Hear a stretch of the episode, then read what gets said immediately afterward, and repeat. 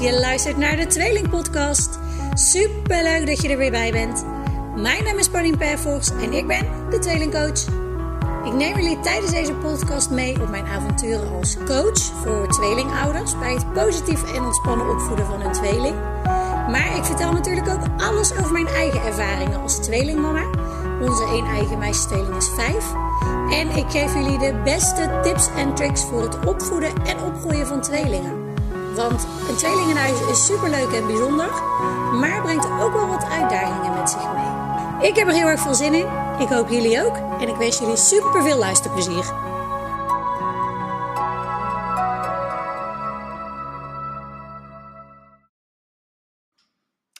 Yes, hallo, daar zijn we weer. Uh, nieuwe aflevering.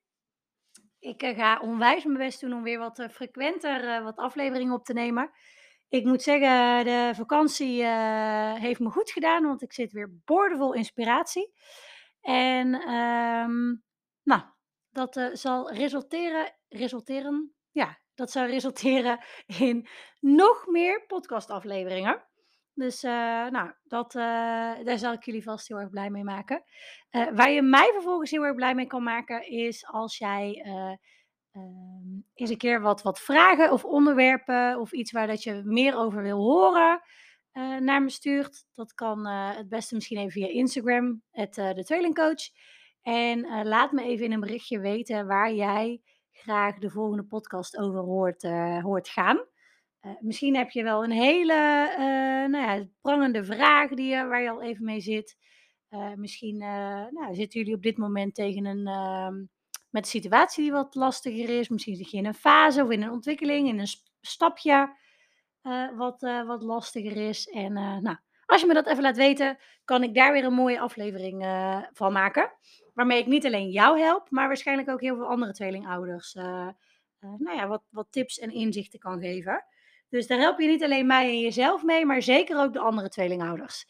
En het onderwerp waar dat ik het vandaag met je over wil hebben, is eigenlijk uh, nou ja, zo'n onderwerp die ik de afgelopen week uh, weer geregeld voorbij zag komen. Um, en dat is namelijk uh, een opmerking die ik, die ik vaker krijg. En ik werd um, dinsdag, moet ik het goed zeggen. Dinsdag had ik een telefonisch interview voor de ouders van nu. En ook daar kwam het weer te sprake het uh, schuldgevoel wat wij als tweelingouders uh, geregeld hebben wanneer we meer tijd doorbrengen met een van de twee. En um, nou ja, dat is iets wat ik zelf ook echt wel herken. Um, en waarvan ik dacht, oké, ik hoor hem nu een paar keer in, kort, in korte tijd. En uh, nou, meestal is dat een teken dat ik er iets mee, iets mee moet doen. Dus vandaar deze opname. En ik heb er ook een blog over geschreven. Um, dus die pak ik eventjes als, uh, als leidraad erbij. Anders dan, uh, nou ja, misschien dat jullie me inmiddels een beetje kennen, maar kan ik nog wel eens van de hak op de tak gaan.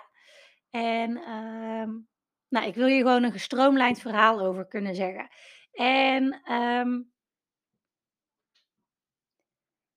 ik vind het altijd uh, een, een, een bijzonder iets om te zien dat wij als tweelingouders alles zo uh, eerlijk mogelijk en evenredig mogelijk proberen te verdelen.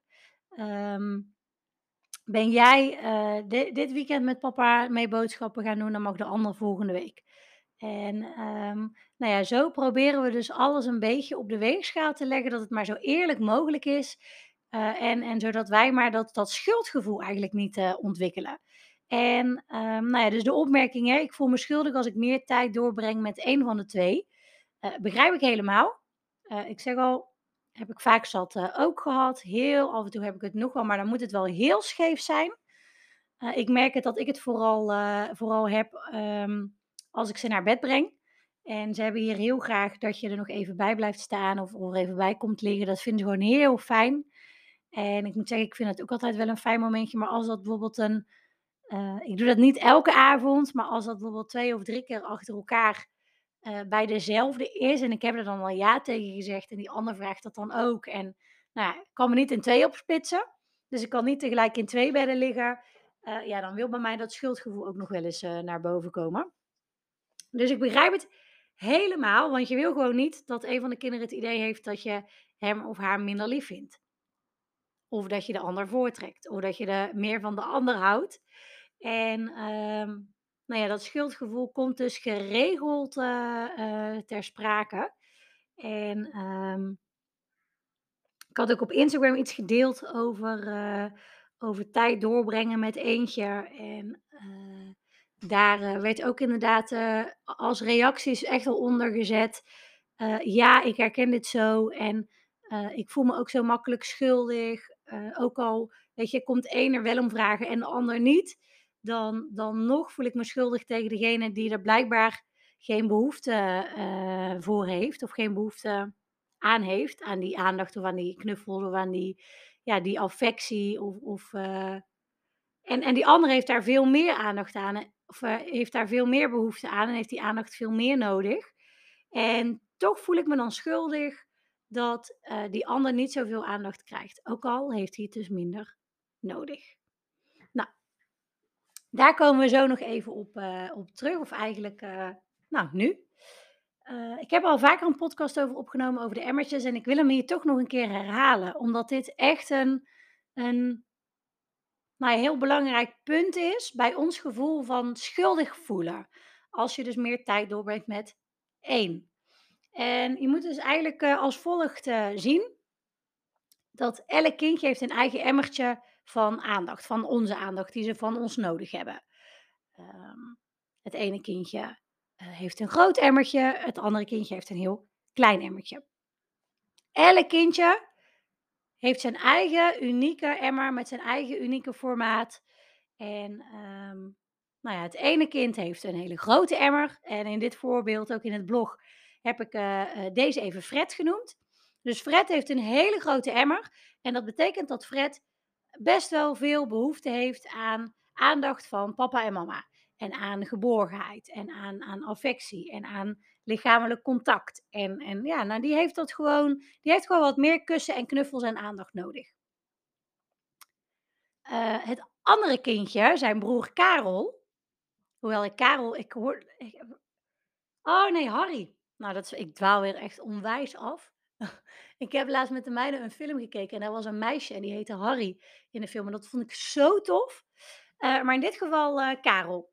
Dus we hebben Fred. Fred heeft een hele grote emmer. En zonder al te veel af te dwalen. Fred heeft een hele grote emmer. En eh Karels emmertje is wat kleiner. En is dus ook wat sneller tevreden. Heeft wat minder die, die aandacht van papa of mama nodig. Tuurlijk vindt hij dat ook wel heel erg fijn. Dus je moet eh, Karel in dit geval zeker niet vergeten. Maar, nou, de emmer is gewoon niet zo groot als die van Fred.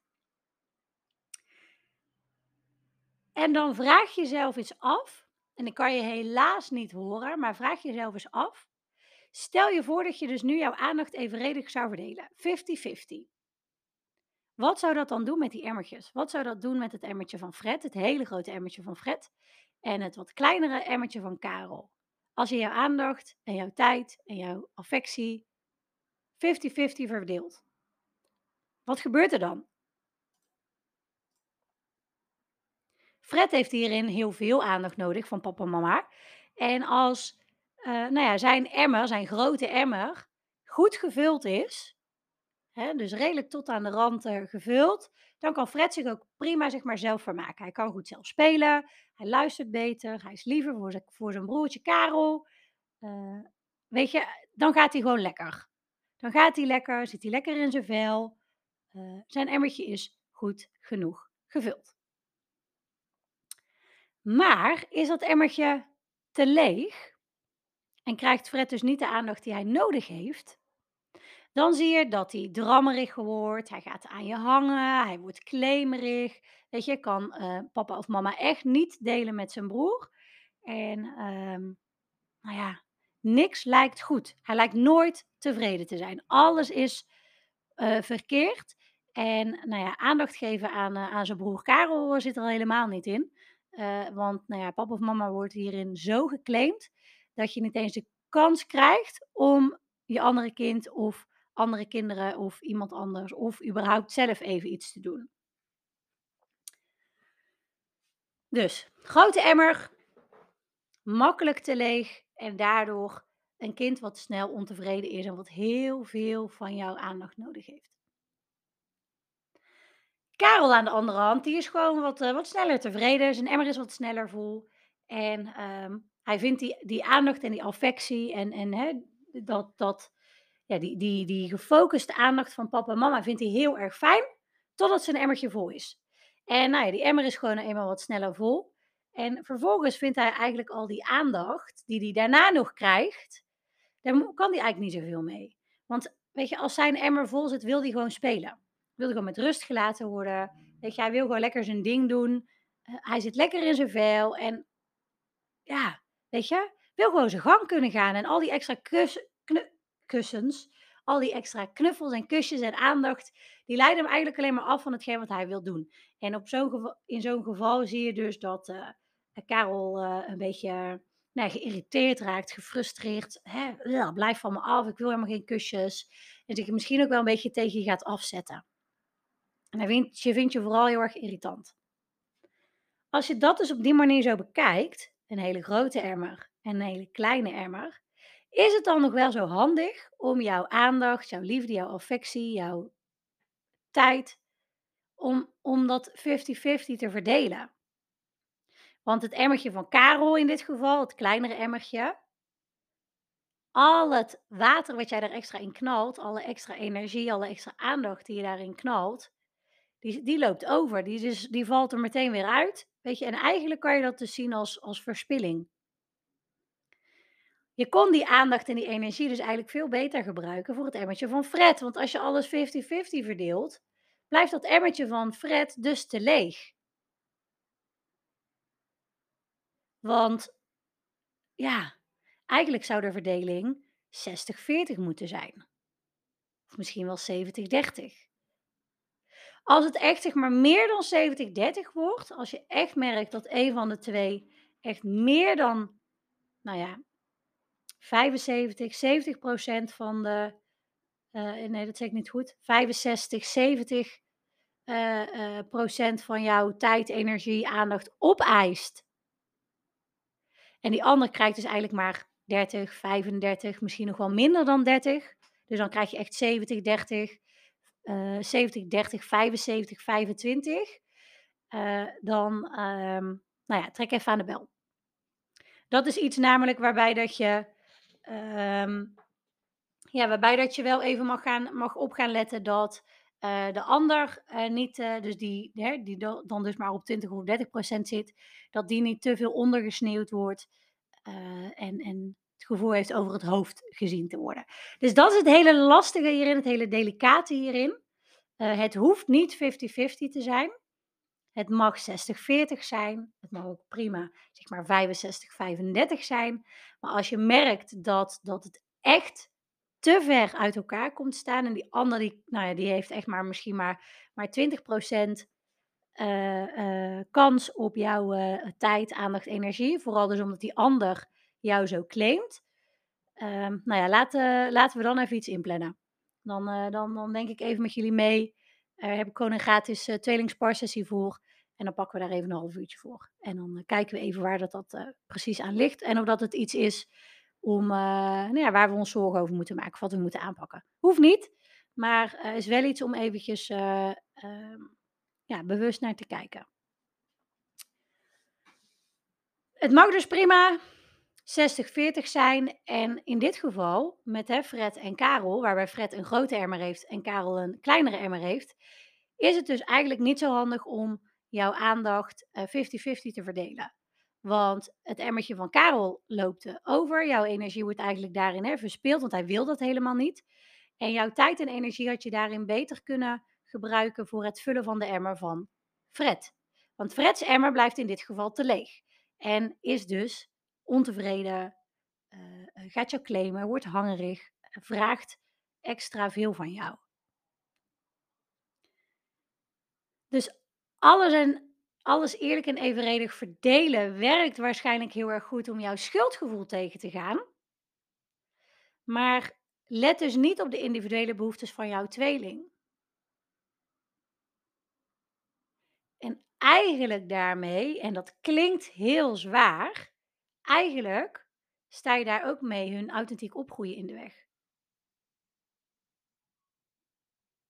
Ik ga hem nog een keer zeggen. Alles eerlijk en evenredig verdelen werkt heel goed om jouw schuldgevoel tegen te gaan, maar negeert de individuele behoeftes van jouw kinderen, van jouw tweeling, hè, 60-40, 65-35.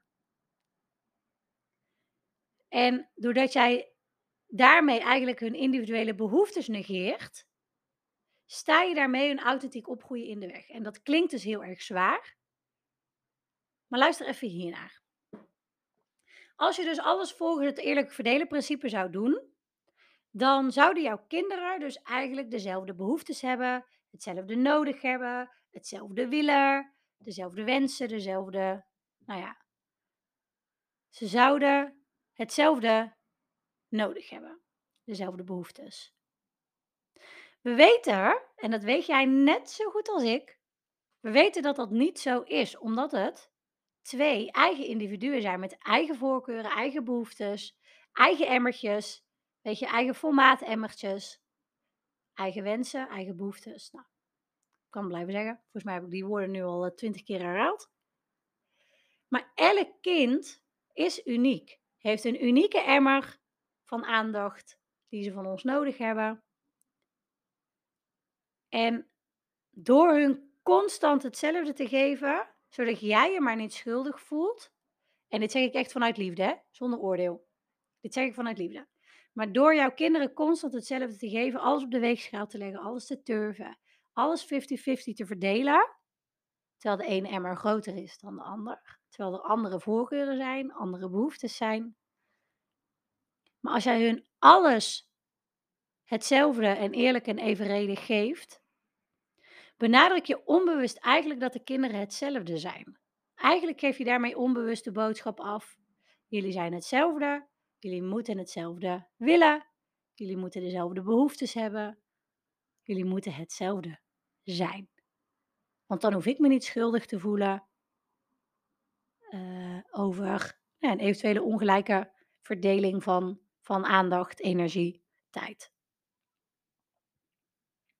Laat deze even bij je binnenkomen. Laat deze even bij je binnenkomen. Als je dan dus kijkt naar die verschillende formaat emmertjes, dan kan je dus ook concluderen dat in het geval van Karel en Fred een 60-40 verdeling veel passender zou zijn. Daarmee krijgt Fred alle energie en aandacht en affectie van jou die die nodig heeft waar hij zo behoefte aan heeft. En nee, daarmee verwen je hem niet. Dat is gewoon wat hij, die, die veiligheid en die geborgenheid en die warmte, die heeft hij gewoon nodig. En het ene kindje heeft daar meer behoefte aan en heeft dat meer nodig dan de ander. En dat hoeft dus ook niet meteen te betekenen dat jij in dit geval Fred met zijn grote emmer eh, voortrekt. Of dat jij die liever zou vinden of dat je daar meer van zou houden. Dat, dat betekent het niet. Het betekent dat je ziet dat Karel daar gewoon minder behoefte aan heeft. En dat hij het eigenlijk dus alleen maar irritant vindt. Dus een 60-40 verdeling zou hierin veel passender zijn.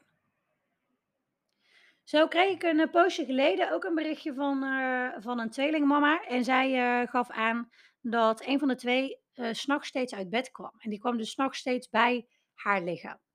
En daardoor had hij s'nachts een extra knuffelmomentje. Een extra momentje van even die, die warmte, die geborgenheid, die affectie van mama. En die andere die sliep prima de nacht door. En die, ja, weet je, die, die kraaide er niet naar.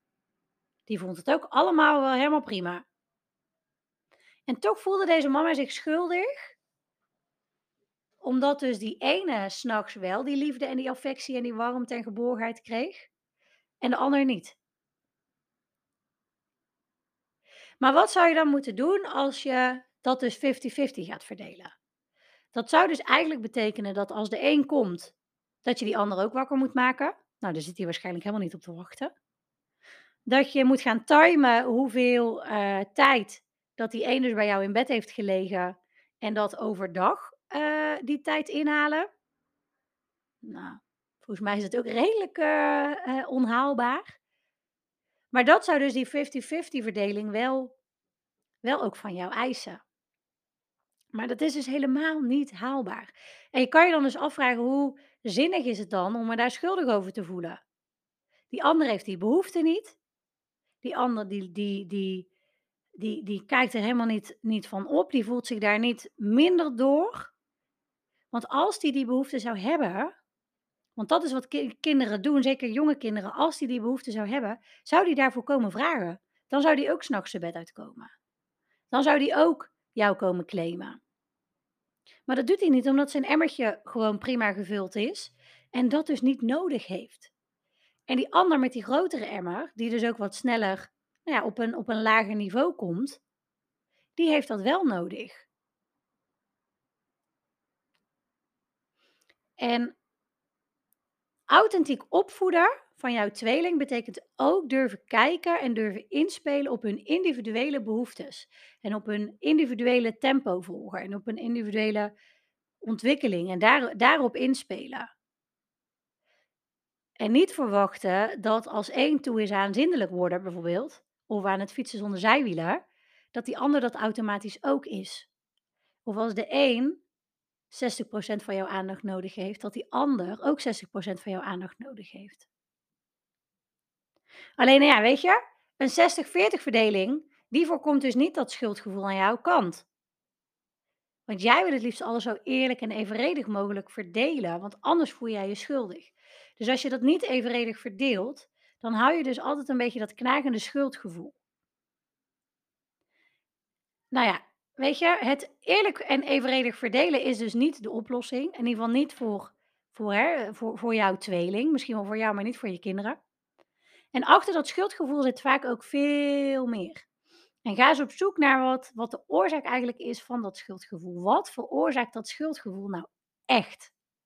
Welke onzekerheid zit daar? Vaak zit daar een onzekerheid die wij vaak als moeder, uh, een bepaalde onzekerheid die wij als moeder hebben.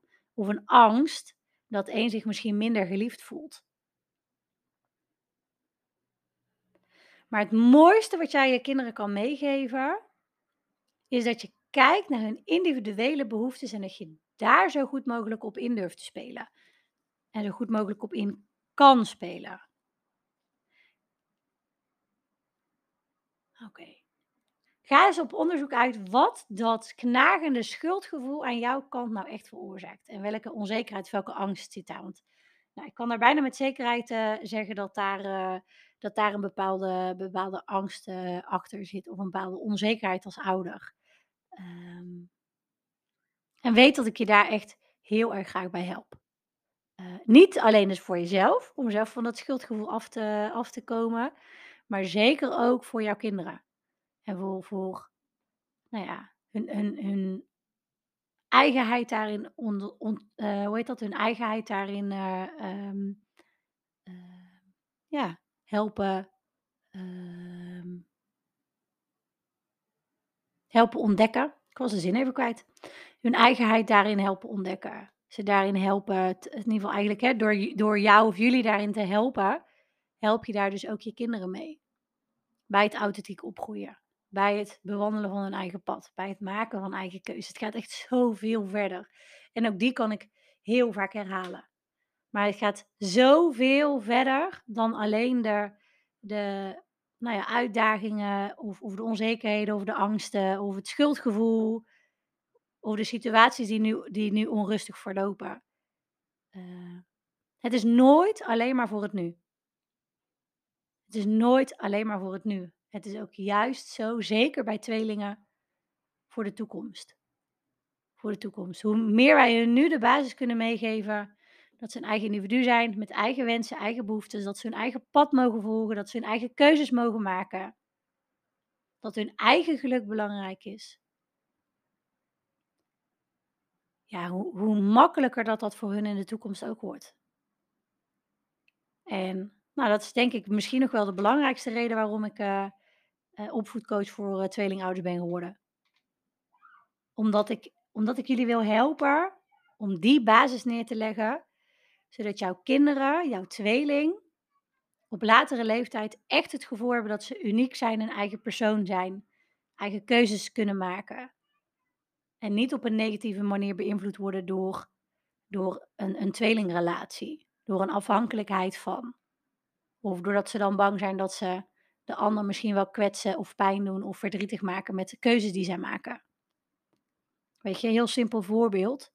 Als eentje uh, aan de andere kant van Nederland wil gaan studeren en die ander wil thuis blijven wonen bij papa en mama, dan moeten ze alle twee die keuze kunnen maken. En dan moet niet degene die, die naar de andere kant van Nederland wil vertrekken, of misschien wel naar de andere kant van de wereld wil vertrekken, toch maar thuis blijven, omdat hij anders het gevoel heeft dat hij zijn tweelingbroer of zus in de steek laat. En er zal hem of haar, zal hij of haar echt niet, hij of zij, zal hij of zij echt niet de eerste tweelingen zijn die, uh, waarbij dat gebeurt. Dat gebeurt echt veel vaker dan dat je denkt. En wij leggen dus nu al de basis dat er een soort van gezonde afhankelijkheid is naar elkaar. Dat er een gezonde relatie, relatie is waarbij ze elkaar vrijlaten om hun eigen pad te volgen.